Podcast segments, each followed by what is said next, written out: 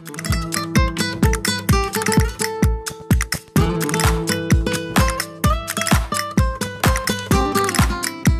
ben José de Kouwer en je luistert naar de Velofilie podcast.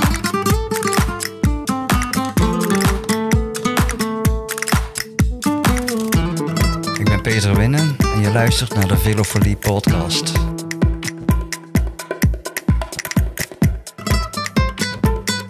Todos, bienvenidos a la vuelta. Goedemorgen, middag en avond, beste wielervrienden en vriendinnen.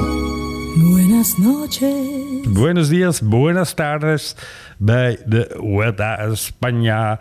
We zijn inmiddels een week diep in de Vuelta en jongens, het is een machtig mooie koers met verrassende ontwikkelingen. Corona is er daar hier en daar één van. Er zijn schuivers, valpartijen waarvan ik denk, "Ii, ook nasty. Vangrelen die ernstig dicht bij gezichten eh, komen enzovoorts. Maar we gaan het vooral hebben over, nou, wie vallen er tot nu toe mee en eh, wie vallen er tegen. En we gaan het natuurlijk over Eddie Evenepoel hebben. Dat kan niet anders met Remco Evenepoel in het rood. Ehm, blijft dat zo? We zitten op de eerste officiële rustdag. Het is maandag 29 augustus. We staan aan de vooravond van de tijdrit die, nou ja, kan dat anders dan eh, door Remco Evenepoel gewonnen gaat worden. En over al dit soort dingen ga ik het hebben met Wesley en Jorn. Welkom in de uitzending, mannen. Hoi, hoi. Hola. Ga ik om te beginnen even een voorspellingje van jullie vragen. Om daar gewoon even in te komen. Wat is morgen de top 3 van de tijdrit? De top drie. Nou, dan zeg ik één eh, Evenepoel. Twee eh Roglic. En drie... Poeh, wie zullen we dan eens nemen als nummer drie? De eerste twee waren heel makkelijk. Maar dan... eh, nou, Rowan Dennis als derde. Ja. Hmm. Is, die, is die ook niet gevallen? Maar het zou kunnen. Eh, Wesley, jij. Ik ga voor één Remco Evenepoel. Nummer twee Rowan Dennis. En drie Ethan Hater. Kijk, kijk. Nou, dan eh, denk ik dat we een mixje kunnen maken, jongens. Eh, ik weet niet wie van ons de rum en wie de cola is. Maar ik ga voor één Evenepoel, twee Heter, drie Roglic. Nou, Ja. mooi. Dan hoop ik dat daar enige kern van waarheid in zit. Tot nu toe, Jorn, zitten we er nog niet heel ver naast. Als je even terug luistert naar onze voorbeschouwing... waarin we diverse namen geroepen hebben... en waarin we onder andere hebben gezegd... voor wie is dit Vuelta parcours nou heel geschikt? Ja, en dat... eh, toen kwamen wij gelijk tot de conclusie dat het nou, niet het moeilijkste parcours was. Kolfje naar de hand van, jawel, Eddie Evenepoel, zoals je hem net introduceerde. En ja, eigenlijk... Hij mag eigenlijk niet meer, hè? Maar... Nee, ja. nee, maar we zeiden bijvoorbeeld dat ook wel voor Roglic een parcours was. Maar ja, goed, die is natuurlijk eh, nog altijd... Ja, wel een hele goede overwinning trouwens. Hè, die eh, explosieve sprint bergop. Maar ehm, blijkt toch dat hij niet helemaal eh, in eh, absolute topvorm is. Al moet ik ook zeggen, als ik dan die discussie gelijk heel even mag aanzwendelen... dat hij ook niet heel erg Mhm. tegenvalt. Hè? Ik bedoel, na zijn valpartij. Dus het is niet zo... Het valt niet mee, maar het valt ook niet echt tegen. Dus ik ben wel benieuwd wat jullie daarvan vinden. Jij bedoelt de valpartij in de Tour, Ja. hè? Voor de Ja, ja, duidelijkheid. ja, zeker. Sorry. Ja, ja, ja, Ja. precies. Wesley? Je kan het niet kwalijk nemen. Je- dus in die zin valt het niet tegen. Hij, heeft, hij is echt heel erg hard gevallen. Er gingen geruchten de ronde dat hij eh, rugwervels gebroken zou hebben. Dat is niet bevestigd, maar eh, die, dat, die verhalen waren er wel. Ja, dan kan je een eh, goede maand later natuurlijk eigenlijk niet met de beste meerijden in de Vuelta. Nou, dat doet hij wel. Hij is niet de beste, maar wat niet is, kan zeker nog komen. Ja, verschillende mensen hebben gerapporteerd dat... Ik weet niet of het op Strava was, maar ik denk het haast wel. Maar dat er uit data van zijn eh, trainingen bleek... dat hij prima wattage strapt hoor. En ik ga even iets, iets daarnaast van Roglic poneren, jongens. Wat is nou een toch wel enigszins bekend verschijnsel bij Roglic... als het gaat over een grote ronde? Zijn derde week. Toch? dat Da- hij minder dat hij wordt, minder ja. wordt. Maar als nou zijn vormopbouw dit keer heel anders is... Ja, natuurlijk kan hij in de derde week nog steeds verslechteren. En omdat hij mindere vorm had dan dieper wegzakken dan normaal. Het zou ook kunnen dat zijn vorm juist doordat hij toch wel met een aardig niveau van start gegaan is. Hij is niet top top, hè, dat is duidelijk. Maar hij is wel top. Je staat immers niet voor niets in de top drie van de Vuelta na ruim negen etappes. Dus het is niet zo dat hij heel slecht is. En ik denk dat die koershardheid hem nog wel een tandje gaat helpen in deze Vuelta. Zou het kunnen, het is een gok hè, maar zou het kunnen dat hij richting de derde week nu juist wel verbetert of niet verslechtert? Ja, ik vind niet eens zo'n verkeerde uitleg, eh Camille. Ik denk dat dat, dat zou goed kunnen, omdat zijn opbouw natuurlijk heel anders is geweest. We zien dat die, vooral bij Jumbo-Visma, dat die trainingsschema's enorme impact en invloed hebben op het, eh, ja, eigenlijk het vormpeil. Dat klinkt heel logisch, maar dat, ja, als dat zo zou werken, één op één, dan zouden alle ploegen wel hele goede toerwinnaars maken. Maar dat is dus blijkbaar niet zo. En, en bij, je- ja, bij, bij Roglic zou dat zomaar eens kunnen, dat het, doordat hij ja, relatief laat eigenlijk zijn trainingsintensiteit is gaan opvoeren. Dat hij misschien ook later goed in vorm is. Ik vind het niet zo'n verkeerde gedachte. Alleen ja, moet je wel kijken of Roglic, on, desondanks die blessure, überhaupt wel die inhoud heeft om in die derde week eh, aan de bak te kunnen. Maar dat geldt trouwens ook voor Evenepoel. Die hebben we ook natuurlijk ook nog nooit drie weken lang goed gezien. Dus daar ben ik ook nog wel benieuwd naar. Al moet ik wel zeggen, we gaan natuurlijk daar nog meer over hem hebben. Hij, hij ziet er wel ontzettend goed uit. Hè? Dat, kan je niet ontkennen. Ik, als je nu zou vragen, gaat hij dit zo drie weken volhouden? Dan, eh, dan lijkt het er wel op. Maar twee puntjes. Eh, Over Roglic ten eerste. Je hebt het over die trainingsschema's. Maar hij is pas iets van twee weken voor de Vuelta weer op de fiets gaan zitten. Ja, precies. In hoeverre Ja, dat kan zo'n... in- Jumbo-Visma, hè? Ja, ja, en- ja, dat klopt.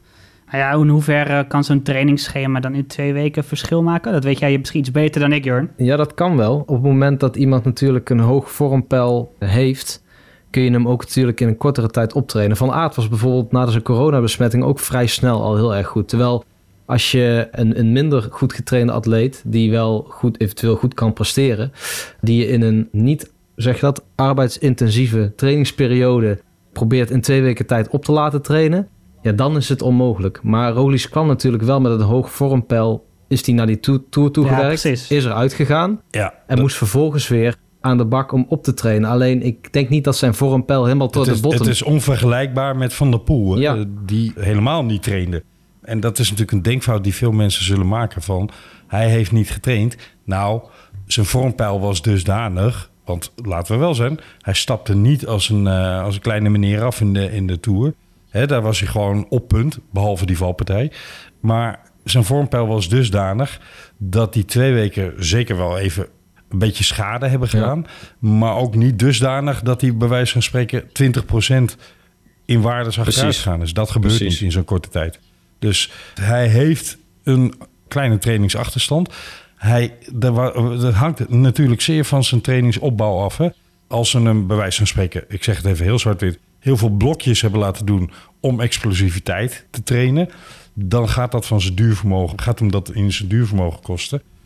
Maar ja, ze zijn bij Jumbo-Visma zo ver in hun trainingen dat ik vermoed dat in die twee weken dat hij officieel getraind heeft, men zegt dat dat niet helemaal zo is. Hè, dat hij al langer op de fiets zat, maar oké. Laten we even van die twee weken die gecommuniceerd is uitgaan. Ja, daar kan hij, een, een topatleet zoals hij kan daar heel Ja. veel in doen. Maar het is, het, is, het is een gokspelletje nu van... heeft hij zijn vaste patroon in de derde week... takelt hij toch een beetje af. Alleen nu nog harder, omdat hij ja, slechter begon dan hij normaal doet. Hè, slechter niveau begonnen is. Of ja, zie je hier dus een uitgestelde piekvorm... En, en eh, takelt er juist in de derde week niet af. Dat wordt interessant. Eh, we gaan het straks inderdaad, Wesley en Jorn, uitgebreid over Il Fenomeno hebben. Ik wil wel even tussendoor opmerken dat, hoewel het uiteraard de talk of the town is, het me in dit geval ook wel meevalt wat voor koorts er ten zuiden van onze landsgrenzen uitgebroken is. Het is niet te vergelijken met de Giro van vorig Ja, jaar. wees er blij mee. Ja, Ik- zeker. ik- nee, ja, gezond. heel- ja, hè? ik ben er ook verrassend blij mee, als ik dat zo zeg. Ik vond het namelijk een beetje... Nou, ik heb dat al eerder gezegd hier. Ik vond het echt zwaar overdreven toen in de Giro met het roze krantenpapier. Eh, en nu Mhm. eh, vind ik eigenlijk dat men heel, eh, hoe zeg je dat, realistisch kijkt op deze prestaties. Hè? José de Kouwer onder andere. Hè? Dus laat ons, hè, Ja. die, die, die, die, die heeft daar eh, het een en ander over gezegd. Het, het, het, het- men is nog een beetje huiverig. En dat vind ik eigenlijk, dat bevalt me heel erg. En daardoor kijk ik ook wel ja, met een soort van goed gevoel nu na die prestaties van Evenepoel. Ik, denk van, joh, hè, zonder al die druk die hij op zijn schouders moet dragen van, hè, het is de nieuwe Eddy Merckx. Nou, wij noemden hem net wel eh Eddy Evenepoel, maar dat, dat, dat valt dus wel mee in België. Dat, dat zegt meer over ons dan over eh, eh, de, de, wat jij net zegt, het enthousiasme in België. En dat is ook wel terecht natuurlijk, hè. Hij, hij heeft nog nooit eh, meer dan acht, negen etappes gereden achter elkaar. Ja. Dus het, wordt- het is nog steeds, nog, nog steeds een ontdekkingstocht voor hem. Ja, zeker. En het is echt maar de, de vraag wat hij in de derde week nog kan. Want sommige renners die kunnen dat überhaupt helemaal nooit. hè. Denk aan de Spilak. Spilak, ja. Ik wou hem Eh, net noemen. Heel ja. goed. ja, ja. ja dus, dus het is echt maar gewoon af te vragen of hij dat überhaupt kan. Denk aan een eh, Jacob Voelsang, hè? Ja, Om maar een, eh, een actuele voorbeeld te geven. Ja. Maar wat ik eigenlijk aan jullie wilde voorleggen, jongens. Heeft dit wellicht ook nog steeds met de klassieke status van die drie grote rondes te maken? Oftewel, wordt de Giro dan toch nog steeds hoger gewaardeerd dan de Vuelta? Speelt een rol. Denk het ook. Denk, Denk het ik. ook, hè? Denk het ook. Ja, Ja. ja. de, Gi- de Giro die zit, ik denk, dichter bij de Tour dan, dan de Vuelta. Ja, zeker, zeker. natuurlijk in, in Ja. Italië. Eh, Terwijl, als je kijkt naar het parcours van de Vuelta de afgelopen, nou, pak een beetje tien jaar. Dan mag je wel zeggen dat het een spectaculaire ronde is om te winnen, hè, tegenwoordig. Je bent geen koekenbak meer. We gaan zien, jongens, hoe dat zich eh, gaat ontwikkelen. Ik wil eventjes naar de Tour de l'Avenir. Als een klein intermezzo van het Remco Evenepoel spel. Tour de l'Avenir. Daar rijdt, mm, er wordt wel gekscherend gezegd, de Remco Evenepoel 2.0 rond. Breed, want hij heeft hem gewonnen. het is, eh, de Bel laten we zeggen dat de Belgen goed zitten voor de komende decennia. Dat Ja. is echt, eh, ja. de Uiterbroeks, eh super groot talent bij de Belgen. Die wint eigenlijk met overmacht die eh Tour de l'Avenir, de ronde van de toekomst. En, ik, en voor de luisteraars die die ronde niet goed kennen, dat is echt wel de meest belangrijke ronde bij de, bij de belofte. En daar Ja, hebben echt, 2017 of zoiets, gewonnen door Pogacar. Om maar wat te Ja, en. Arendsman heeft daar ook goed gereden. nou, Arendsman werd tweede in het jaar dat Pogacar won. Precies, ja. Maar ook een Tobias Vos heeft gewonnen. Mollema is een keer tweede geworden. Echt, het, het is echt een stond in de top 5, ja. Ja, het is echt een toonaangevende ronde. En ja, Uiterbroeks wint die eh, ronde echt met overmacht. Hij had eigenlijk al in de, de ene laatste bergrit de, de gele lijstrui moeten pakken. Maar eh, daar kreeg hij een, eh, een tijdstraf. En daardoor kon hij net de gele trui niet pakken. En in de laatste rit maakte hij het alsnog af. Wel eh, goed nieuws voor Jumbo-Visma in die zin. Want eh, die zijn tweede en derde geworden, het eindklassement. Ze rijden niet in teams natuurlijk. Niet in clubteams, maar in landenteams. Maar twee renners van Jumbo-Visma, eh, die zijn wel tweede en derde geworden. Met Ja. eh Staunat Mietet, Staune Mietet en eh Mikael Hesman. Ja, het zit sowieso wel goed met die talenten bij Jumbo-Visma. Eh, ze trekken behoorlijk wat talent aan. Eh, die Glock, die Engelsman, Glock, ik weet niet hoe je het uitspreekt. Die Ja. heeft ook een etappe gewonnen. Nou, wat Wes net, eh, net als terecht zegt, Stouwen Mitet wordt tweede, eh, Hesman wordt, wordt derde. Hesman die rijdt al in, de, in het propt, propt, dus het eerste team van Jumbo-Visma. Stouwen Mitet nog in het tweede. Die gaat volgend jaar door naar het eerste. Maar ook ene per strand... jaar daarna. Sorry? Het jaar daarna, 2024. Oh, nog, dat, die blijft nog een jaar bij de Academy rijden. Ja, ja, ja. Ah, oké. Ja, ik wou zeggen, maar hij heeft dan... Ja, precies, dat is al afgesproken. Eh, en hetzelfde geldt voor eh Perstrand Hagenes, de wereldkampioen bij de junioren. Dus nog een categorie eronder. Mhm. Maar die rijdt al aardig, eh, Ja. aardig goed nu bij die belofte categorie mee. Dus wat dat betreft zit het bij Jumbo-Visma goed. Eventjes terug nog naar Uitenbroeks. Eh helemaal eens met Wesley. Eh, wat ik daar wel nog bij wil opmerken is... Uitenbroeks heeft specifiek gekozen voor een traject bij Bora, bij, eh, bij Ralf Denk. En niet bij Lefevre. Ja. Kijk, Evenepoel heeft echt... Dat, Evenepoel en Lefevre, dat is eigenlijk twee handen op één buik. Maar Uitenbroeks niet. En volgens mij heeft Lefevre daar in het verleden ook al wel iets over gezegd. Hè, dat hij daarvan baalde. Dat hij niet al die, die Belgische talenten kan eh, strikken. Nou, Van Wilder heeft hij dan wel weer teruggehaald, zeg maar, via DSM. Nou, dat is nog een hele soap om geweest. gaan we hier niet herhalen. Maar Uitenbroeks dus niet. Dus ik ben wel benieuwd hoe zich dat ontwikkelt, in, eh, ook in België. Hè. Er gaat, eh gaat Uitenbroeks net zo'n publiekslieveling worden als Evenepoel? Ik denk het wel. Ik denk dat de Belgen daar vooral eh, naar het vlaggetje kijken wat erachter staat. Maar hij volgt duidelijk een ander traject. Dus ik ben wel benieuwd of dat net zo succesvol gaat zijn. Nou, jij snijdt de naam wederom aan. En dat is natuurlijk onvermijdelijk als we het over Belgische talenten en de Vuelta hebben. Want jij roept iets en daar valt me bij op dat eigenlijk... Hoe moet ik dit uitleggen? Er hangt een soort van gekke atmosfeer rondom Evenepoel. En ik, ik durf te wedden... Natuurlijk zijn mensen laaiend enthousiast, zeker onze Vlaamse luisteraars... dat Evenepoel in een leiderstrui rondrijdt in een grote ronde. En terecht. Hè, dat zouden wij ook zijn als dat ehm Wilco. Kelderman of noem eens Ja. wat Tijmen Aresman zou zijn. Maar jij zegt een volksheld hè, of populariteit, maar dat, dat is nogal wisselend. Remco Evenepoel is op een of andere manier ernstig opinierend, voor of tegen. En iets in het midden schijnt ja, moeilijk te zijn bij hem. Dat heeft natuurlijk iets met, met eh, karakter, aard. Men zegt Hollandse arrogantie hè, hier en daar te maken. Maar ook wel met gedrag. En een van de puntjes die mij van de week opvielen. Aan de ene kant kun je zeggen terecht. Aan de andere kant kun je ook zeggen wat een onzin. Hij zat op de rollen uit te rijden naar een etappe. En toen kwam de cameraman hem naar zijn smaak te dichtbij. Waarop hij hem soort van toesnauwde. Je hebt zoom op je camera. Zo van blijf uit mijn buurt. Nou kun je zeggen, ja, met corona een risico, hè, eh, terecht. En aan de andere kant, het bevestigt ook weer een beetje dat wat hij toch al om zich heen heeft hangen. Waar hij zich overigens verder ook niks van aan moet trekken wat de, de publieke opinie daarvan vindt. Maar of hij daarmee juist een volksheld is, als dat in Vlaanderen al zo is, dan is dat buiten Vlaanderen al rap een stuk minder, Ja. heb ik zo het idee. Ja, dat, Hij wordt niet sympathie, sympathiek eh, ontvangen. nee, dat laatste dat klopt. Hij was, eh, staat niet echt bekend als hele sympathieke jongen. Ook in het peloton. Hij heeft geloof ik Nee. die Ben Turner een keer een flinke beuk gegeven. Waarvan hij ook eh, een waarschuwing kreeg. Waarvan sommige mensen zelfs zeiden... misschien had het wel een disqualificatie moeten zijn. Ehm, hij heeft ook bij de juniorentijd... stond hij echt al bekend als heel goed... maar ook als heel arrogant. dus dat, dat, dat, dat had hij eigenlijk al... Ja, op nog jongere leeftijd... hij is nog steeds jonger... maar op die nog jongere leeftijd al een beetje om zich heen hangen. Ja, en hij gaat wel goed met de patron, eh, Patrick Lefevre samen, die ook niet echt op zijn mondje is gevallen. Dus het, het, zeg maar, er zit wel een soort van. Ik herken zeg maar wat jij, wat jij nou zegt. Alleen aan de andere kant zie ik ook wel dat hij ook wel heel populair is hoor in, in Vlaanderen. Dus ik weet niet.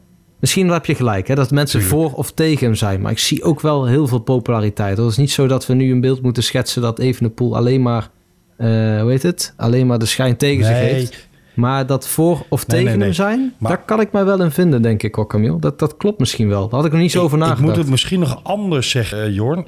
Natuurlijk is hij populair. Want eh, laten we wel zien, als je wint heb je vrienden. Dat zong Henny Vrienden wel. Samen met Herman Ja. Brood. Maar ik vraag me af of mensen hem in hun hart gesloten hebben. Dat is eigenlijk meer wat ik bedoelde.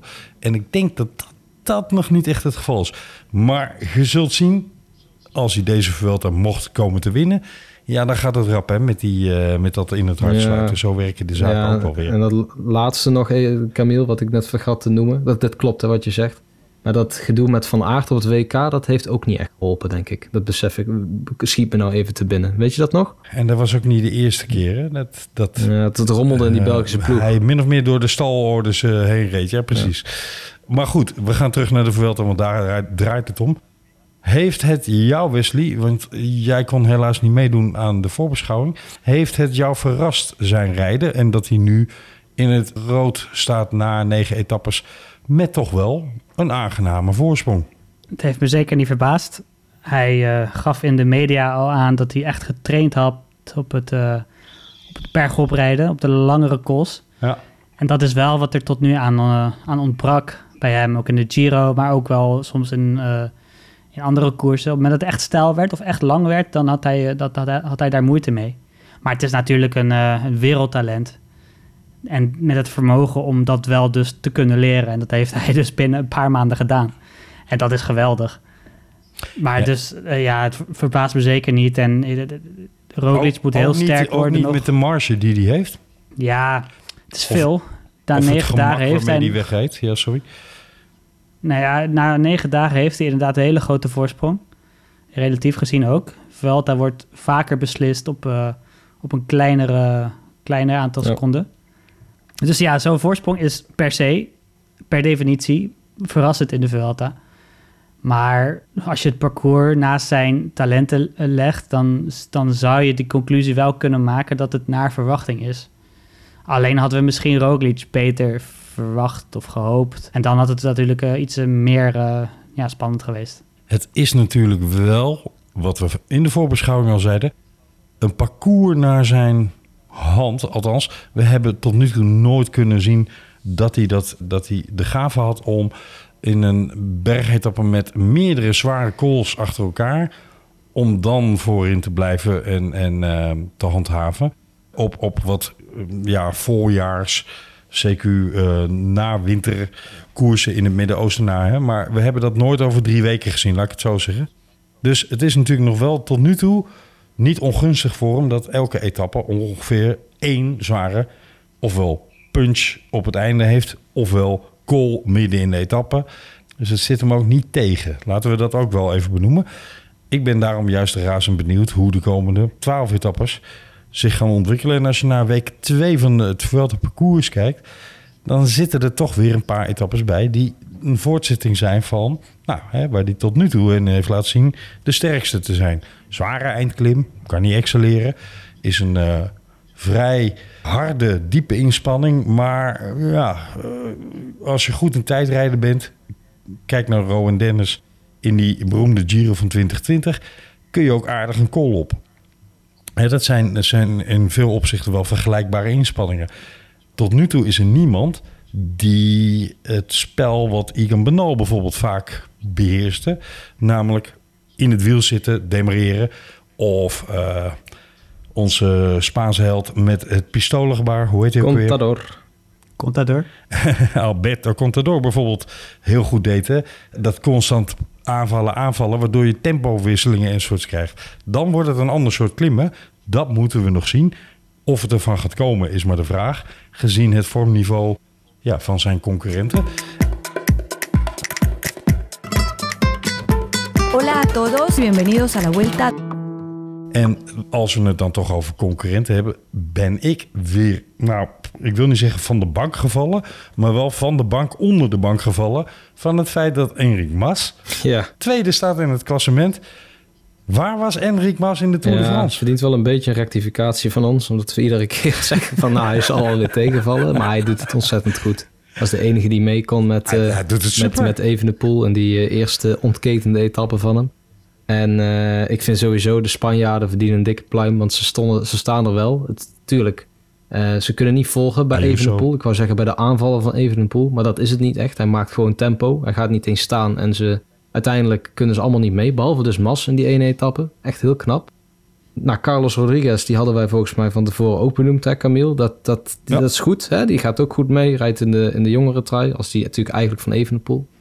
En gewoon eh, Ayuso, jongens. Echt eh, ook eh, 19 jaar. Ontzettend knap. Gaat ook goed mee. Dus wat dat betreft Ja, heb je gewoon drie... beter dan ik, dan Ja. ik gedacht Ja, had. veel beter. Die Ja. zijn er met z'n drieën echt wel, ehm, echt wel sterk bezig. Maar ja, aan de andere kant, we hebben ook een, eh, een andere Spaans sprekende man. Geen Spanjaard, maar iemand die heel erg tegenvalt. Dat is eh, Richard Carapaz. En hij heeft vandaag benoemd dat hij vol voor etappenzegers gaat. Maar dat maakt, ik vind, als hij dadelijk dan een etappe wint, dat maakt zijn Vuelta niet goed. Want wij hadden hem van tevoren en hij zelf en zijn ploeg waarschijnlijk ook wel in de top 3 verwacht. En dat gaat nu niet meer lukken, denk ik. Mm, ik moet eerlijk bekennen, Jorn, ik heb hem niet in mijn pool opgenomen. En dan ben jij een hele slimme jongen geweest, Camille. Ja, of ik heb gewoon ongelooflijk veel geluk. Dat kan natuurlijk ook. Nee, ik, ik, ik zag in zijn voorbereiding op de Vuelta geen resultaten waarvan ik dacht, nou, dat bemoedigt mij. En eh, ik zag wel, en dat hebben we ook in de voorbeschouwing besproken, Jorn, dat eh, ja, deze Nederlandse ploeg met, met meerdere speerpunten voor start ging. En ik daar niet per se een bevestiging in zag van... hey, die hele ploeg gaat achter Richard Carapaz staan. Of eigenlijk voor hem rijden, Nee. om het beter te zeggen. Dus mm, heel erg verbaasd ben ik hier niet over. Maar waarschijnlijk is het gewoon puur lucky bastard. Wat mij wel enigszins ja, aan, aan, aan Mas verbaast... is dat hij op een of andere manier dit alleen in Spanje kan. Terwijl het Landissimo... dat blijkt alleen in de Giro te bestaan. Want Landa, die is juist weer helemaal nergens. Valt weer niet mee. Die rijdt- Valt weer niet mee met Landa. Die, die rijdt echt met vierkante wielen achteruit een berg af. Ja. En de wenkbrauwen die gaan nog eh, meer fronsen. Ja. Gereden vraag, bestaat het Landismo nog? Ja, Wesley, aan jou de eer. Ik, ik, ik begin steeds grotere twijfels aan het Landismo te krijgen. Hoe mooi ik het ook vind. Ja, ik denk dat we er niet snel eh, op moeten geven. ik denk echt wel dat... eh, Vijf jaar Ik ben is wel toch wel lang, hè? ik, ben wel, ik ben gewoon wel een beetje fan. Ja, ik ook wel. Maar ik zie toch wel een soort van vergelijkbare tendens als met Aru. Beiden blonken ooit in een Giro uit. Ehm, twee en drie in het eindklassement. Beide hebben zo'n carrière die, nou, ja, ik wil niet zeggen als een nachtkaars uitgaat, want vierde worden in een Tour of derde, eh, nee vierde was het, hè, is, is eh, een buitengewoon knappe prestatie. Maar het is niet die doorbraak geweest ja, die, we, die, die misschien wel gehoopt hadden. Of die er een korte tijd Ja, in gezeten Weet je wat het is, Camille? Niet, Camille. niet in deze Vuelta, Ja, dat is duidelijk. Weet je wat het is, Camille? Hij, ehm, wij, wij- het Landismo staat natuurlijk bekend om mooie klimmen. Hè? Hij, onder in de beugel gaat hij eigenlijk... Hij, ja, is een soort... Toch, wel Spaanse Pantani gaat, ging hij omhoog. Gaat hij nog steeds wel omhoog. Alleen niet, iets minder hard dan voorheen. Alleen, hij, hij staat... En, en dan Patani. Ja, dat, dat sowieso. Maar wij zullen hem toch ook wel een beetje herinneren dadelijk als die man, die klassementsman die nog nooit een goede tijdrit heeft afgeleverd. En dat is toch wel een beetje een dingetje hoor bij, bij Landa. Van goh, als hij ooit eens een keer echt voor een winst zou willen gaan in een grote ronde, dan had dat beter gemoeten. En dat is eigenlijk er nooit helemaal van gekomen. Moet hij dan niet naar DSM gaan, jongens? Misschien wel, ja. Ze hebben Bardet toch enigszins aan de tijdrijden gekregen. Dus, eh, maar wat wil jij zeggen, Wesley? ja. Ik vind dat we heel kritisch zijn op Landau. Hij is dit jaar gewoon nog derde geworden in de Giro. Dat Ja. eh, stond op het podium. Dat vind Ja. ik toch wel... eh, Maar dat we wel, heel kritisch bezig zijn. wel kansloos derde, hè? En als je zeven jaar daarvoor ook al een keer derde geworden bent... kun je niet zeggen dat er progressie in je carrière heeft Ja, gezeten. het heeft Althans, ja. als je het zwart-wit scorebordjournalistieker beschouwt. Ja, nou, kansloos. In de soliditeitsrit staat hij gewoon binnen anderhalve minuut, geloof ik. Maar daar komen we inderdaad weer op die tijdrit. Dus ik, ik, en hij is ook nog derde in de Tirreno geworden dit jaar. Ik vind dat hij wel iets meer, eh, Ja, maar iets meer krediet verdient dan, eh, dan dat hij die nu heb je krijgt. misschien wel een beetje gelijk in. Maar heb jij hem dan ook zien lossen in de kopgroep afgelopen week? Want dat was dan wel... Ja, het- Ja, dat- uiteraard is het niet, ja, hij is niet goed. Dat, dat snap ik. Kelderman is ook niet Nee. goed.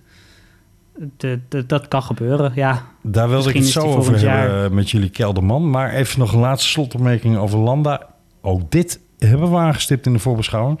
Landa heeft nog nooit een goede gereden, jongens. Maar Kelderman wel. En dat is nou, toch ook...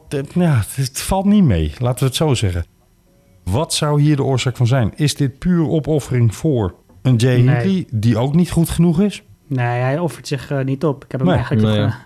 eh, weinig zien knechten. Nee. Daarom. Hij, eh, volgens mij had hij echt, echt de vrijheid om gewoon voor eigen kans Ja. te gaan. Sterker nog, Jay Hindley heeft hem eh, her en der, nou in ieder geval her, één etappe. Dat was die etappe dat verschillende mensen, waaronder Aresman, een, een, een, een vijftiental seconden verloren, of twaalf, hoeveel waren het er? Omdat er een breukje kwam na de top 10 van het klassement toen. Daar zat ook Hindley iets van? ja, exact. Maar daar zat Jay Hindley toch echt gang te maken voor Wilco Kelderman en niet andersom. Dat, dat hoor, Ja. wilde ik jullie graag horen zeggen. Ehm, dus het is niet zo dat Kelderman hier in een dienende of ondergeschikte rol rondrijdt. Hij heeft helaas op dit moment niet het vormpeil om, eh, om beter te doen. Nee, maar die hele ploeg niet, hè. Hindley ook. De Hindley dus ook niet. Die valt eigenlijk nog meer tegen dan Kelderman tegenvalt. Die, die, nou, we hebben Ja. het net over de Giro gehad. Die heeft de Giro gewonnen. Higita valt ook enorm tegen. Weet je, dus die drie van Bora, Oeh. waarmee ze aan de start kwamen... dat is eigenlijk een beetje zelfs met Jumbo-Visma en de Giro dit jaar. Voor het klassement dan. Dat, dat, dat valt niet mee. Weet je, dat, dat, kan, Nee. dat kan oorzaken hebben. Dat heeft oorzaken, ongetwijfeld. Maar ja, Kelderman zit gewoon in datzelfde proces. En, en ja, die staan gewoon niet goed daarvoor, deze, deze Vuelta. En ik, ik zie het ook niet snel verbeteren, als ik eerlijk ben. Helemaal eens. Ja, en een coureur waar we wel van kunnen denken... hey, had die een betere vormpeil dan op dit moment uit zijn klassement blijkt... hebben we net ook al even genoemd, Tijmen Aresman. Daar gebeurde iets raars mee. Hm. Die zat in een kopgroep en die had op een gegeven moment een dikke twee minuten voorsprong... maar liet zich afzakken. En dat was naar eigen zeggen herhaaldelijk eigen zeggen, moet ik zeggen, in overleg met de ploeg besloten. Eh, Ploegbeslissing. Ja, Tijmen Aresman kan zo heerlijk iets letterlijk een paar keer achter elkaar blijven herhalen. Waardoor het heel duidelijk is dat dat het ingestudeerde gegeven antwoord is. Misschien moet hij daar nog iets subtieler in worden om daar een kleine variant of zo dan in te benoemen. Want nu weet iedereen ook, hij wil niks meer zeggen, maar dit wilde hij eigenlijk ook niet zeggen. Hè, zo komt het dan over. Maar goed, hij liet ik zich denk dat afzakken. Ar- Arendsman, Arendsman is een hele, hele slimme jongen. Absoluut. En ik denk dat hij dat gewoon eh, heel erg expres doet hoor. Om gewoon zijn onvrede toch wel een beetje te laten blijken. Maar laten we het hebben over die, die, die toch wel grappige, eigenaardige, schuine streep, vreemde actie. In eerste instantie kwam het over alsof het was om die kopgroep ruimte te geven. Soms gebeurt het dat iemand die toch naar smaak van een peloton te dicht in het klassement staat nog in de kopgroep zit. En ja, dan laten ze die kopgroep gewoon niet rijden. Zo simpel is dat. Dat leek in eerste instantie een beetje het geval. Alleen, hij had best wel een, een, eh, een grove voorsprong op dat moment. Het was echt meer dan twee minuten. Dus dat is ook niet zo dat het peloton op 30 seconden achter die kopgroep aan het jagen was. Nee, en dan snap ik ook wel de frustratie dan van Kelderman of van, eh van Arendsman. Dus dat hij dan uiteindelijk... En misschien had hij wel voor de etappenzege mee kunnen spelen, wie weet. Maar misschien gooit hij wel al zijn woede en frustratie eruit in die tijdrit. Hè? We hebben het net over die tijdrit eh, van, van morgen. Ja. Ik, eh Mhm. ik ja, Arendsman, dat is natuurlijk een fenomenale tijdrijder. Hè? Zouden jullie denken dat hij morgen Absoluut. wel eens kan verrassen of niet? Hij is in ieder geval Nou, niet- gemotiveerd. Ja, dat bedoel ik. Wesley? Hij gaat hem, hij gaat hem niet winnen. Maar in de, ja, in de ronde van Polen, net voor de Vuelta, heeft hij natuurlijk wel een tijdrit gewonnen. heel Dus sterk hij- ook. Ja. ja, ja, top 5 zit er wel in. Ja. Ja, Dan, dan, doet hij het heel goed, denk ik. Maar ik wil Ja, even hij, terug, staat, jongens. hij staat wel in de top 10 Ik wil even terug. eh. Want, want dat slaan we nu eigenlijk over. Ik wil even terug naar waarom liet hij zich afzakken? Vul in. Puntje, puntje, puntje. Wesley. Nou, ik zie twee redenen. Ja? En daarmee zeg ik niet gelijk dat die waar zijn, maar ik zie twee mogelijke redenen. Alles wat De- wij zeggen eerste- is waar. Oké, nou ja, dan bij deze dat hij het even weet. Ik denk dat eh, op, de- op het moment dat het twee minuten was en Quickstep eigenlijk best wel tempo aan het rijden was. Mhm. Ze gingen niet 100% achteraan, maar ze, hielden echt wel een st- strak tempo. Dat ze bang waren dat Arendsman eh, eigenlijk gewoon teruggepakt zou worden en heel veel energie voor zou verspelen. En uiteindelijk uit het klassement zou vallen op die steile beklimming. Dus dachten ze van, nou ja, laat maar die mogelijke etappe-overwinning. Ga je energie maar besparen en zorg maar dat je uiteindelijk in de top 10 van het klassement komt. Mag ik, Want die Ja. punten heeft Team DSM heel erg nodig. Ja, dat kan. Maar Dat- mag ik dan een dat tegenover plan viel zetten? in, het, in Duigen, hè? Eh, dat plan viel in Duigen omdat hij achter een valpartij terecht kwam van een paar Ineos-renners. En dus zoveel energie moest aanwenden in de aanloop naar die explosieve slotklim. om weer bij de kopgroep te komen. Dat hij eigenlijk meteen, hij zei zelfs mentaal parkeerde. eh, toen het echt stijl werd. Maar ja, dus uiteindelijk, ik denk dat jouw redenering aardig klopt, Wesley. Behalve dat in de uitvoering er toch een kink in de kabel was. In het zeg, Zeker. Men zegt wel eens, dat kun je dus voorkomen door het initiatief te nemen. En dat had hij. Dus het blijft, het blijft grappig. Jorn, heb jij nog een andere verklaring? Nee, niet. Maar ik wil nog wel even op Wesley reageren. Want die, die- ik volg hem helemaal. Ik denk ook wel dat dat, eh, dat, dat aardig klopt. Hè? Want dat een, over dat verhaal van energie verspelen. Maar op dat moment moet je ook gewoon even iets verder kijken als ploegleiding. Want Quickstep rijdt er achteraan in een strak tempo. Dat klopt. Maar heeft Quickstep dan wel de ploeg om een sterke kopgroep zomaar zo even terug te halen? Ik weet het niet. Mm. Weet je, ze hebben een sterke ploeg, maar geen fenomenale ploeg. Hè? Het is geen Jumbo-Visma Tourploeg die hier staat. Zeker niet. Serri is nou ook nog eens naar huis. Masnada is niet in supervorm. Nou, dan heb je nog Vervaken, Divenijns, nou, noem maar op. Ala Philippe uiteraard. Maar het is, Cavagna. het is geen, geen super topploeg in, in die even in een bergetappe een, een kopgroep eh, eh, van twee minuten naar nul haalt in, op één klim. Daar geloof ik niks van. Dus eh, je had best die gok kunnen nemen, denk ik. Ik denk een gemiste kans voor, eh, voor DSM. Nou, ik denk dat bij een renner als Arendsman wel ook andere ploegen op een gegeven moment zouden gaan rijden. Dat zou Zeker kunnen. Maar voorlopig was het alleen Quickstep die reed. En ik denk dat Quickstep helemaal niet de ploeg Ja. heeft om een hele etappe lang te kunnen controleren in de bergen. Ik Nee, ben, nee, nog- nee, dat ik ben nog van een eh, oud stempel wielrenner, hoor ik aan jullie eh, uitleg al. Ik denk namelijk dat er ook telefoontjes in de ploegleiderswagens geweest zijn. Gasten, als jullie stoppen met rijden, dan hè, eh, op zijn Armstrongs, als, eh, als hij zich laat uitzakken, waardoor de kopgroep ongevaarlijk wordt en wij als Quickstep nu even iets minder aan controle hoeven te doen in deze etappe, dan eh, komt er later in deze Vuelta nog wel genoeg doening voor. Zo, zo werken die zaken af en toe ook. Hè? Ik denk dat het van alles wel een mix is geweest.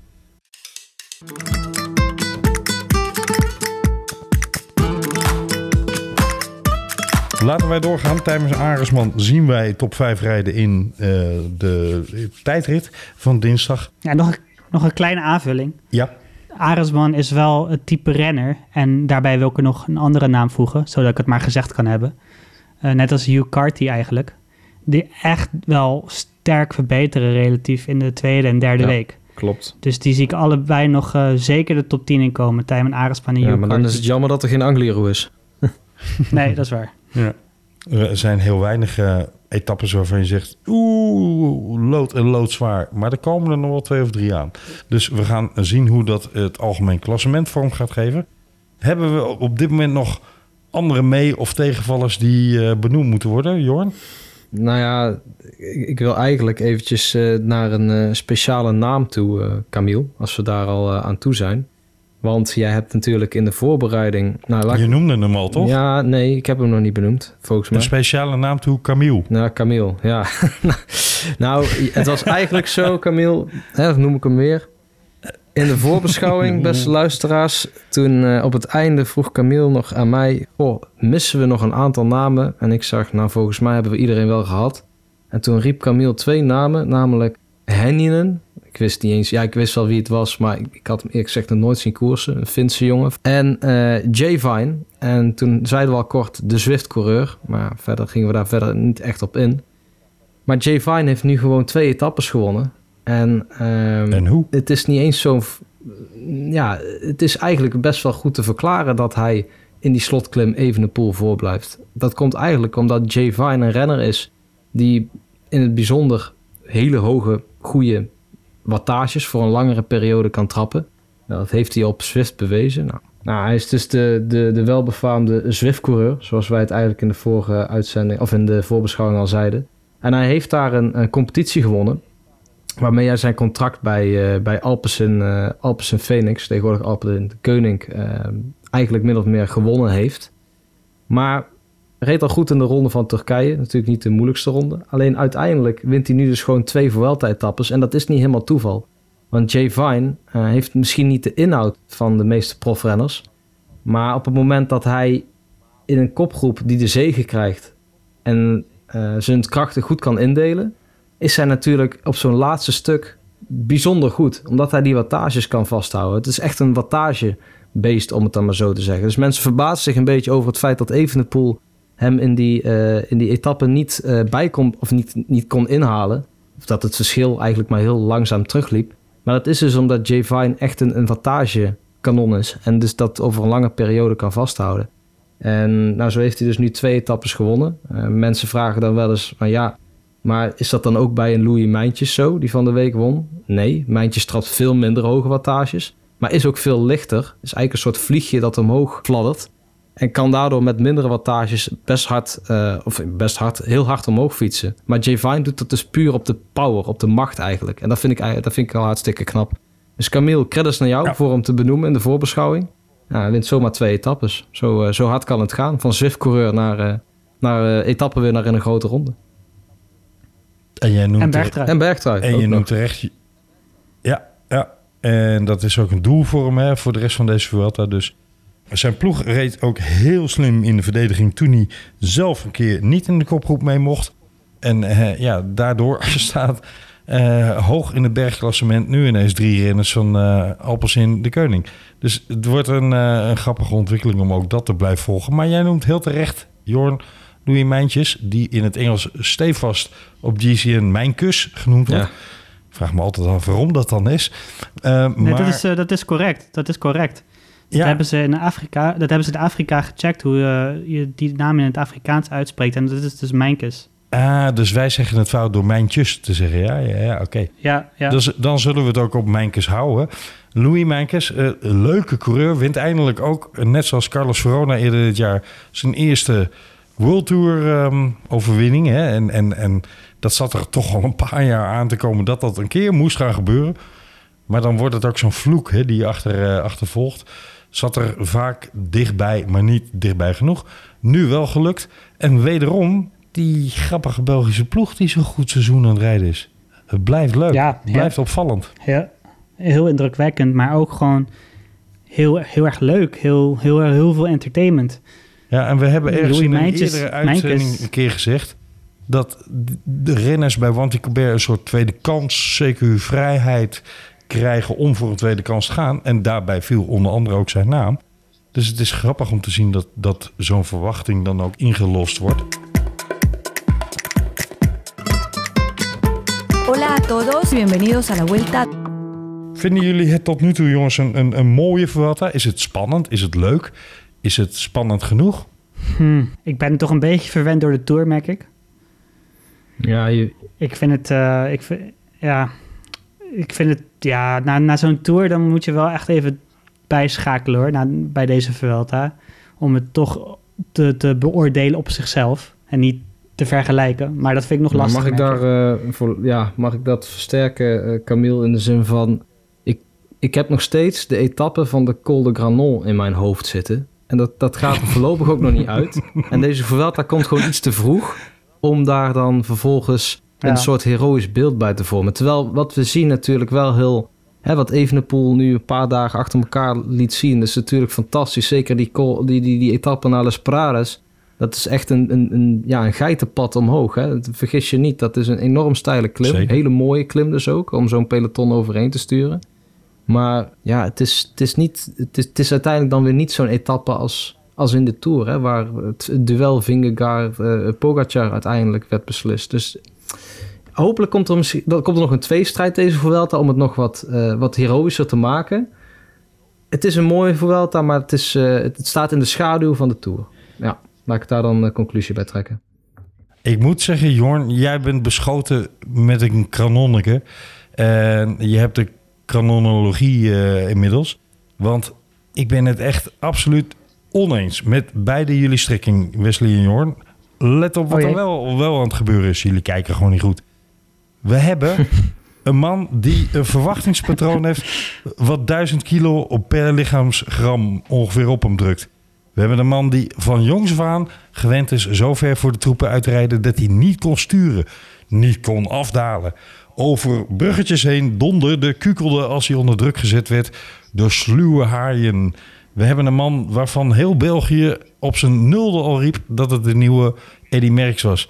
We hebben een man die notabene de nummer 2 van de afgelopen Tour de France's aan gort aan het rijden is. We hebben de man die een Enric Mas, die toch ook al een paar jaar meedraait in de top van het klassement. Hè? Vijfde, vierde, tweede, eh, maar zeker een topcoureur. Hij kan gewoon niet volgen. We hebben een man die getraind heeft op alle onderdelen van het wielrennen. En misschien wel laat zien dat hij een volledig coureur, een renner geworden is. Hij kan, zegt hij, en zien we ook nog wel enigszins. Hij kan inmiddels afdalen, want daar heeft hij aan gewerkt met een psycholoog. Hij kan langere klimmen aan, want daar heeft hij heel hard op getraind in een aantal trainingskampen. Men heeft een 10 stappenplan ontwikkeld om Remco Evenepoel, vorig jaar Giro mislukking, te maken tot Remco Evenepoel kanshebber om deze Vuelta te gaan winnen. En ik zie het wel gebeuren. En ik vind dat jullie het missen, jongens. Je ziet hier een, een, een nieuw verschijnsel wat de gevestigde orde op dit moment, hè, laten we wel zijn, we riepen al een tijdje Remco Evenepoel grote ronde, maar we hebben het nooit kunnen zien tot nu toe. Maar nu zie je het gebeuren dat hij de gevestigde orde aan, aan aan het rijden is. En op een indrukwekkende manier. Amai, amai. Ik ben het deels met je eens, Camille. Ik denk alleen wel een beetje dat je indrukwekkend met leuk verwaart. Ik doe mijn best om het eh, enthousiast voor het voetlicht te brengen, Wesley. ja, dat merk ik. Ik vind dat je het heel mooi vertelt en ik word er bijna zelf helemaal enthousiast van. Ik ga bijna Repco Repco schreeuwen, Er maar zit, er zit een kern van waarheid in. Hè? Ik overdrijf lichtelijk, Ja. beste luisteraars. Maar er zit een kern van waarheid in. Eh, hij, hij bevestigt iets wat al heel lang aan hem plakt, kleeft, op hem drukt. En dat vind ik knap. Hij moet nog bevestigd worden in drie weken. Maar het feit dat hij, ja, een Roglic met een handicapje, hè, eerlijk is eerlijk. En een mas waarvan we niet 1, 2, 3 verwachten dat hij een grote ronde wint. Wel dat hij podium kan rijden, top 3. Maar ook, ook de rest van de mannen staat er niet. En dan kun je zeggen, ja, die zijn niet goed. Maar je kunt misschien de conclusie omdraaien. Die zijn op punt, maar Remco is veel beter. Nou, dat, Want zo simpel dat is het op dit sowieso. moment. Dat sowieso. Hij stijgt er, Ja. hij stijgt er met kop en schouders bovenuit. En ik zeg al, eh, ik denk ook dat hij, eh, dat hij gewoon eh, de, de Vuelta gaat winnen. Als ik dit zo eruit zie, dan lijkt me daar geen enkele twijfel over. Alleen, Appeltaart als het niet waar is. oké, bij deze afgesproken. Maar, maar ja, ik, ik Shit, vind... had ik nou maar een kratje bier geroepen. Ja, hebt, eh, ja, er heerst ook nog vindt, coronavirus. die vindt Wesley weer mooi, hè? Ja, nou, het, het heet, heet ook nog zoiets als corona. Maar laten we dat vooral, eh, vooral niet hopen dat er iets, eh, iets geks gebeurt met, met de klassementsrenners. Maar jouw, jouw column net over eh Evenepoel, laten we het dan zo zeggen. Die ja, kreeg ik ook, net als Wesley, eh, bijna eh, eh, kippenvel van. Maar dat is, ja, de vraag was, is dit, maakt dit dan een heroïsche Vuelta? Ja, op dit gebied wel natuurlijk. Maar ik hou toch stiekem wel van een man tegen man gevecht. Of een man tegen man tegen man gevecht. Tuurlijk. En dat, dat ontbreekt er dan een beetje aan of zo. Het zou toch mooier zijn als Evenepoel nou opstaat als de grote rondrenner die we de komende jaren gaan zien. Die komende jaren kan gaan vechten met Pogacar en, eh en Vingegaard in de, in de Tour. Als we zeg maar zijn ontplooiing kunnen zien in een, letterlijk in een gevecht. Maar nou steekt hij er echt met kop en schouders bovenuit. Snap je wat ik bedoel? Ja, dat, maar ik ben het geheel met jullie eens. Hè. Deze Tour was onvergetelijk qua spanning en eh, wedstrijdontwikkeling. En die duels, dat zijn de mooiste grote rondes Ja. die beklijven. Maar dat wil niet zeggen dat één, Evenepoel er iets aan kan doen... dat die andere mannen niet kunnen volgen. Natuurlijk niet. En twee, hij rijdt eigenlijk tegen wel duizend, nee, wel tienduizend, nee, wel 10 miljoen tegenstanders. Namelijk al die mensen die op de bank zitten te gniffelen. Mm, even de pool, nieuwe Eddie Merckx. Mm, toch mooi niet, hè, tot nu toe. Eh, nou, misschien dan toch wel. En dat, eh, dat zit in zijn hoofd. Dat zien wij niet op beeld. Dat zien we niet in de Vuelta gebeuren. Maar het zit wel in zijn rijden. Het zit wel in zijn aanwezigheid in het peloton. Vind ik ook een hele mooie strijd om dat te zien. Vergis je niet. Een jong knaapje nog, hè? Broekie. Ik bedoel, hij, Ja, praat, zeker. hij praat alsof hij eh, richting de 30 of zo is. Maar wat is die man? 22? 22. Ja, dat bedoel ik. Ik kan je vertellen dat ik stommere dingen deed op mijn 22ste dan hoe hij nu rondrijdt. Dat is dan kunnen we daar een even- aparte podcast over maken? Ja, doe maar. De Camille podcast. Mm, Nee, want Ja. dan, dan ga je heel veel piepjes horen. Dat, eh, dat Oh, luistert heel matig. Hey, eh, ik wil nog even vragen. Wat moet Evenepoel doen? En dan trek ik even de analogie met ene Yates in de Giro. Wat moet Remco Evenepoel doen? Conservatief rijden, energie sparen... of blijven aanvallen op momenten dat hij voelt... hé, hey, ik heb de overhand. En wat ging er fout met Yates? Ja, ik weet wel waar je op doelt hoor. En ik vind die, dat vind ik ook een hele goede vergelijking. Maar wat ging er ook alweer fout met Yates? Weten we dat nog? Ja, die viel Ja, 16 die- dagen aan. En 16 dagen won hij alle etappes. En toen ontplofte Ja. hij met 38 Maar minuten. nee, dat snap ik. Maar was dat, het, was dat ook de, de, de relatie die ertussen zat? Dus het feit dat hij zoveel aanviel, dat hij toen ontplofte. Is, is dat toen ook? Was dat ook een hongerklop? Had dat met... Zal niet geholpen hebben, laten we het zo zeggen. Ja, Nee. weet ik niet. Ik, volgens mij is dat ook... Ja, klopt, het zou het niet geholpen hebben. Dat klopt wel. Maar misschien was Yates ook gewoon... Maar de vraag ging om, niet om Yates, hè, maar om, om, Ja, eh, om dat snap ik. Moet hij conservatief rijden of aanvallen? Maar dan moet je nog steeds beseffen van was dat wel... Als dat het probleem was bij Yates, geldt dat dan ook voor een Evenepoel. En meer in die zin. Dus ja, moet Evenepoel zich rustig houden. Ja, nou hoe die zich nou... Hoe die nou rondrijdt is ook niet alsof hij als een kip zonder kop aanvalt. Hè? Het is letterlijk gewoon, hij rijdt zijn wattages omhoog. Hij moet vooral goed naar zijn lichaam luisteren. Dat is gewoon het, het, het beste. En op het moment dat hij tegen... Hè, hij moet niet overmoedig worden natuurlijk. Maar op het moment dat hij voelt, ik voel me goed... Nou, dat is tot nu toe ook goed gebleken. En hij moet dus ook goed kunnen roepen op het moment dat hij zich niet goed voelt. dat zijn ploeg dat ook moet kunnen controleren. Snap je? Dus hij moet vooral goed blijven communiceren en goed naar zijn lichaam luisteren. Ik denk dat dat het allerbelangrijkste is. Bes? Ik vind het lastig om te zeggen. En dan ga ik weer met mijn genuanceerde eh, teksten. Maar ik, eh, ik denk dat hij vooral gewoon moet doen waar hij, wat hij altijd doet. En dat is gewoon gaan. Soms heel vroeg, soms wat later. Maar hij heeft ook niet de, de, het, het team om, om heel defensief te rijden. Dus op het moment dat ze echt een keer achter, nou ja, zeg een ontsnapte Ayuso met een Almeida in zijn wiel. eh, of eh, Ineos die met drie man in de kopgroep zitten en ze echt Quickstep onder druk zetten. Dan denk ik niet dat eh Quickstep het team heeft om dat Eens. recht te zetten. Ja. Dus hij kan, er maar, hij kan er maar beter voor rijden. Ja. Ja. ja. Het probleem is alleen dat die eerste negen dagen natuurlijk wat dat betreft, nou ik wilde zeggen buitengewoon geschikt, maar in ieder geval behoorlijk geschikt waren om in die aanval te gaan. Want dat waren korte inspanningen. Max hebben we denk ik drie kwartier klimmen gezien. In de tweede week hebben we een beetje continuatie van dat soort etappes, maar gaan we lichte veranderingen zien. In de derde week wordt dat al een ietsje ander verhaal. En dan is maar de vraag, het is een bekend gezegde, je hebt een vat energie en dat raakt leger en leger in zo'n grote ronde. En tegenwoordig kunnen we met voeding en, en met ijsbaden, want ik zag hem volgens mij ook in een ijsbad duiken. En we kunnen met, met nou ja, dieetpatronen en van alles en nog wat en bloedwaardes m- meten. Hè, eh, wil ik verder niks mee zeggen. Nee, maar gewoon meten wat doet je bloed. Is het, hè, zijn alle, alle parameters nog van gezondheid nog goed? Daar kun je iemand behoorlijk mee op peil houden. Maar energie valt moeilijk, eh, althans, mijn ervaring, Jeroen, misschien kan jij dat onderschrijven, is als je tegen de man met de hamer aanloopt en dan niet door een hongerklop, dan heb je dat vaak achteraf pas doorgehad, maar niet vooraf. En dat, dat is ook een bekend euvel van klassementsmannen, dat je te lang denkt in het rood te kunnen gaan. En hij zal ongetwijfeld nog niet veel in het rood gereden hebben, maar juist blijven doen wat het doet, hè, maakt dat hij, eh, nou, ik, ik geloof niet dat hij met de handrem aangereden heeft. Dat is weer de andere kant van het verhaal. Eh, hij zal misschien niet te diep gegaan zijn, daar waken ze vast ook wel voor. Ik vraag me alleen af, houdt hij dit drie weken vol? Want jullie benoemden heel terecht het grote zwakke punt, de ploeg.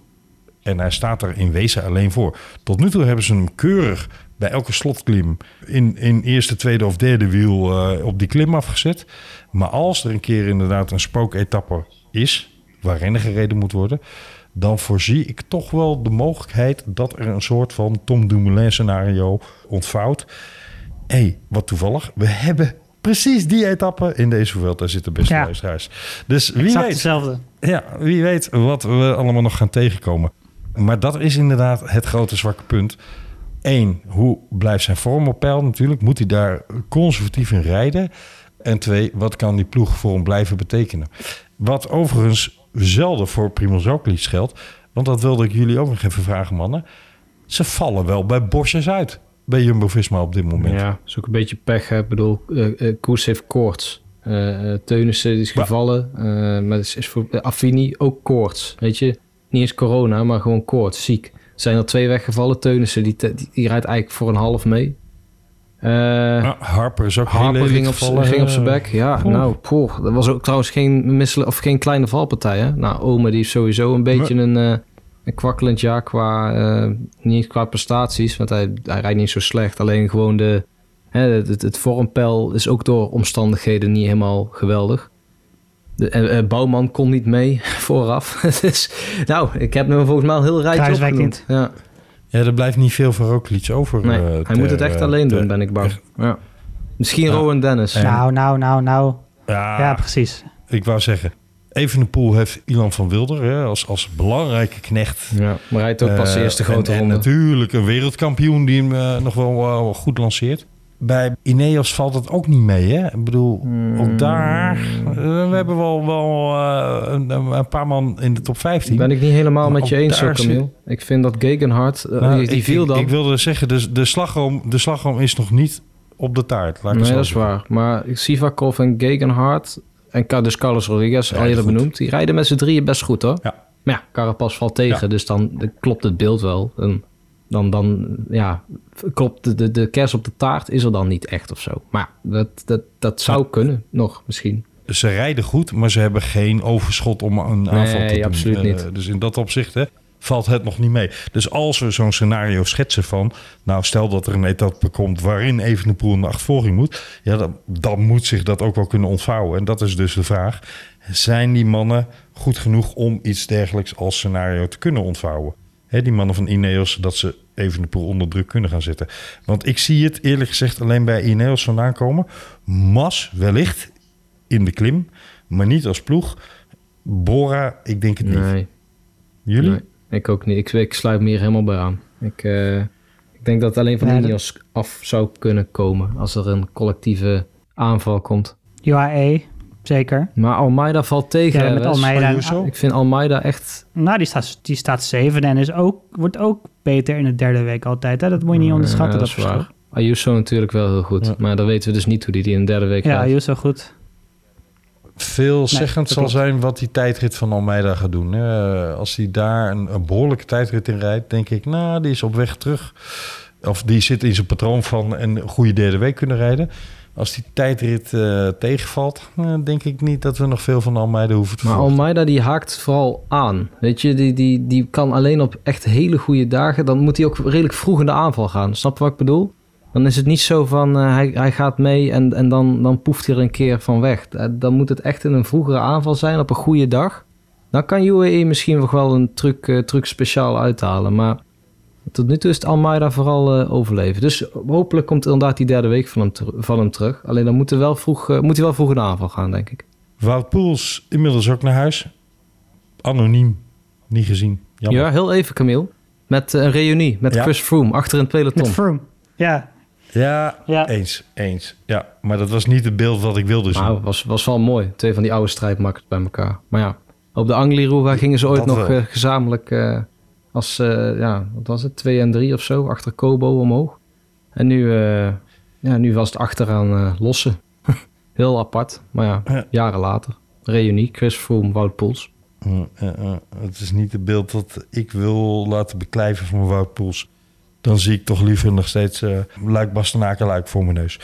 Jongens, we gaan afsluiten. En als we het toch over Luik Bastenaken Luik hebben... dan roep ik even dat Harm van Hoeken naar DSM gaat verhuizen. Een mooie transfer voor die ploeg. Leuk.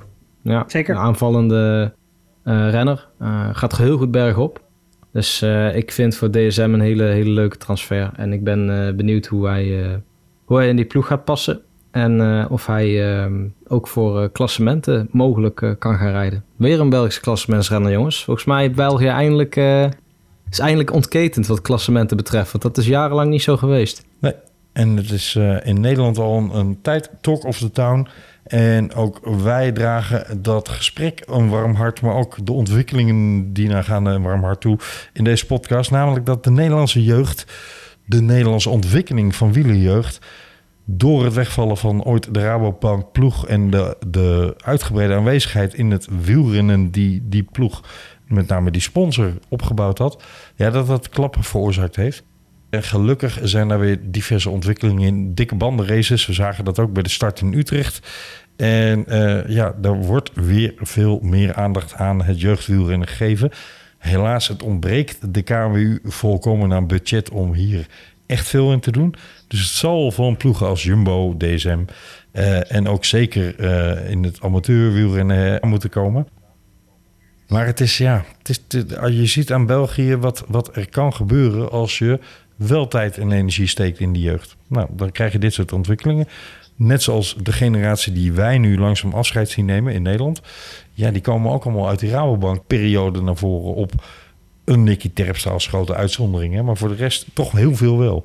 Dus laten we hopen dat ook daar weer wat ontwikkelingen in gestimuleerd kunnen worden. Want uh, het is nodig. Het aantal licenties enzovoorts loopt allemaal terug. Dus um, laten wij daarin bijdragen door enthousiast over deze mooiste sport ter wereld. Toch, mannen? Mijn ogen wel.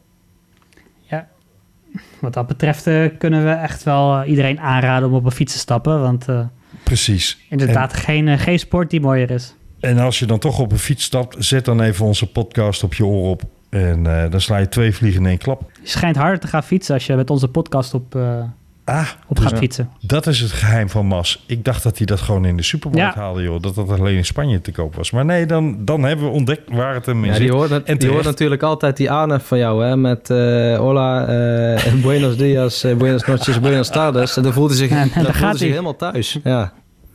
Dat kan niet, want hij verstaat het helemaal niet zoals ik het uitspreek. Dus dat, dat, dat is helaas een fabeltje. En wij ook, wij ook niet hoor. Goede zelfreflectie? Camille. Ik, ja. Dank je, dank je. Ik eh, heb eh, genoten van eh, jullie analyses in deze eerste fase van de Vuelta. Ik denk dat jullie met grote enthousiasme de tweede fase van de Vuelta gaan bekijken. Want er ligt echt wel een prachtig parcours.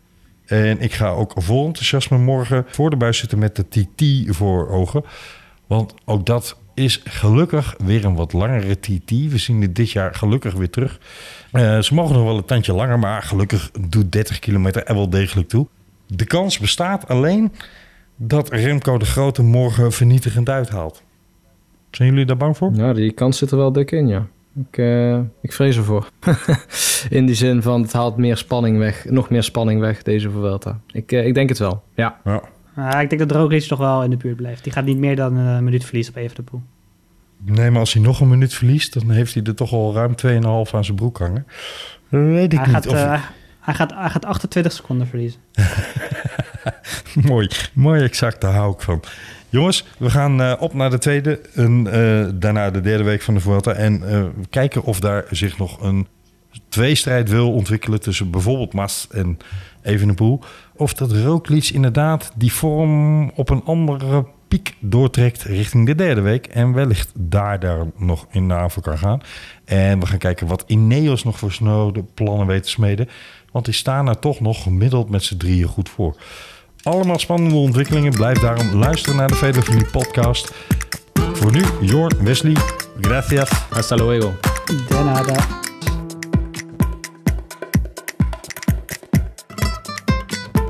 Hola a todos y bienvenidos a la vuelta